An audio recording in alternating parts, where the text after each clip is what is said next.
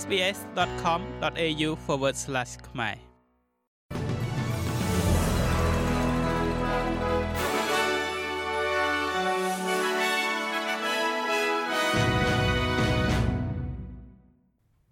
សូមស្វាគមន៍មកកាន់នេតិព័ត៌មានខ្លីៗរបស់ SPS ខ្មែរសម្រាប់ថ្ងៃច័ន្ទទី4ខែធ្នូឆ្នាំ2023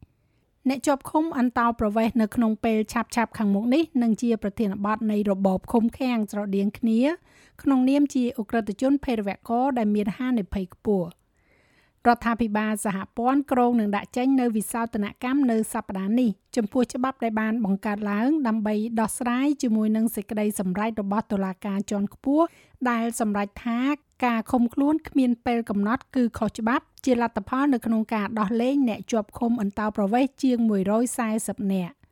នៅក្រោមវិសោធនកម្មនេះដីកាឃុំខ្លួនបង្ការទុកជាមុននិងអនុវត្តចំពោះអ្នកដែលត្រូវបានដោះលែង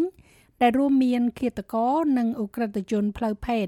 ហើយផ្អែកទៅលើវិធានការស្រដៀងគ្នាសម្រាប់អ ுக ្រិតជនភេរវករដែលមានហានិភ័យខ្ពស់ដើម្បីការឃុំខ្លួនបង្ការទុកជាមុននេះមានប្រសិទ្ធភាពរដ្ឋមន្ត្រីអន្តោប្រវេសន៍នឹងត្រូវដាក់ពាក្យទៅតុលាការដើម្បីសុំឲ្យឃាត់ខ្លួនជននោះឡើងវិញអ្នកជាប់ឃុំត្រូវតែជាប់ចោតពីបទឧក្រិដ្ឋដែលមានទោសយ៉ាងហោចណាស់7ឆ្នាំ។ មួយទៀតនោះពាក់ព័ន្ធជាមួយនឹងការសាកសួរនៅសភាចំពោះទីផ្សារទំនើបរដ្ឋមន្ត្រីក្រសួងកសិកម្មសហព័ន្ធលោក Murray Watt បានចេញនៅការព្រមានយ៉ាងម៉ឺងម៉ាត់ទៅកាន់ផ្សារទំនើបនានាកុំឲ្យកេងចំណេញពីជនជាតិអូស្ត្រាលីដែលកំពុងតែធ្វើការងារយ៉ាងលំបាកនៅក្នុងពេលឈានទៅដល់បុណ្យណូអែលខាងមុខនេះ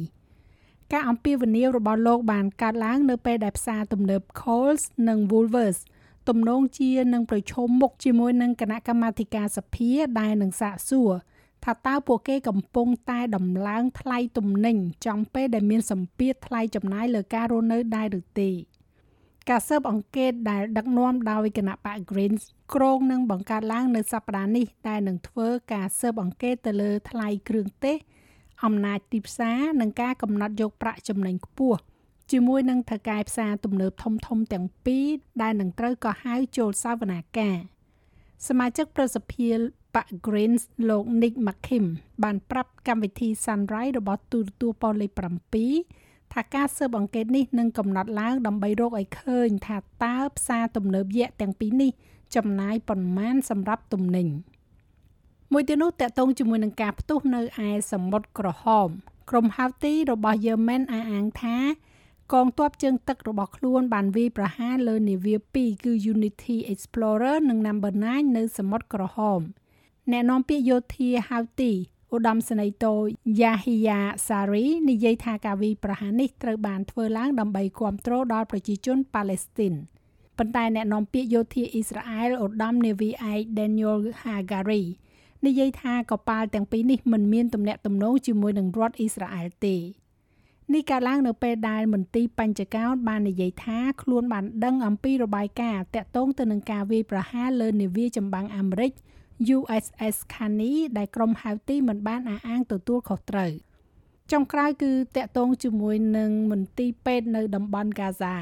អ្នករងរបួសកំពុងតែត្រូវបានបញ្ជូនទៅកាន់មន្ទីរពេទ្យ Al Ali Baptist នៃទីក្រុងកាហ្សា កាលពីថ្ងៃអាទិត្យខណៈដែលអ៊ីស្រាអែលបានបញ្ជាឲ្យមនុស្សកាន់តែច្រើននៅក្នុងតំបន់កាហ្សាភាគខាងត្បូងដែលមានប្រជាជនរស់នៅយ៉ាងច្រើននោះជំលះចេញខណៈដែលការទម្លាក់គ្រាប់បែកដ៏ខ្លាំងបានផ្លាស់ប្ដូរទៅទីនោះបុគ្គលិកសុខាភិបាលនៅមន្ទីរពេទ្យ Al Ahi Baptist និយាយថាកុមារច្រើនជាង15នាក់ត្រូវបានសម្លាប់សាកសពត្រូវបានគេដាក់នៅលើទីធ្លាខាងមុខមន្ទីរពេទ្យខណៈដែលសាកសពជាច្រើនទៀតត្រូវបានគេនាំយកមក ប្រធានមន្ទីរពេទ្យលោកវិជ្ជបណ្ឌិត Fadel Narim និយាយថាចំនួនអ្នករបួសបានកើនឡើង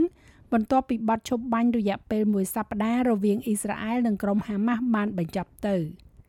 អ៊ីស្រាអែលកំពុងតែផ្លាស់ប្ដូរការវាយលុករបស់ខ្លួនទៅកាន់ពាក់កណ្ដាលភាគខាងត្បូងនៃទឹកដីដែលខ្លួនអះអាងថា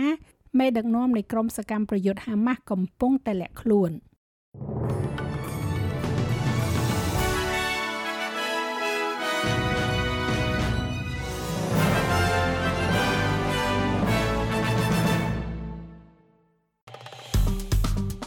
ចុច like share comment និង follow SPS ខ្មែរនៅលើ Facebook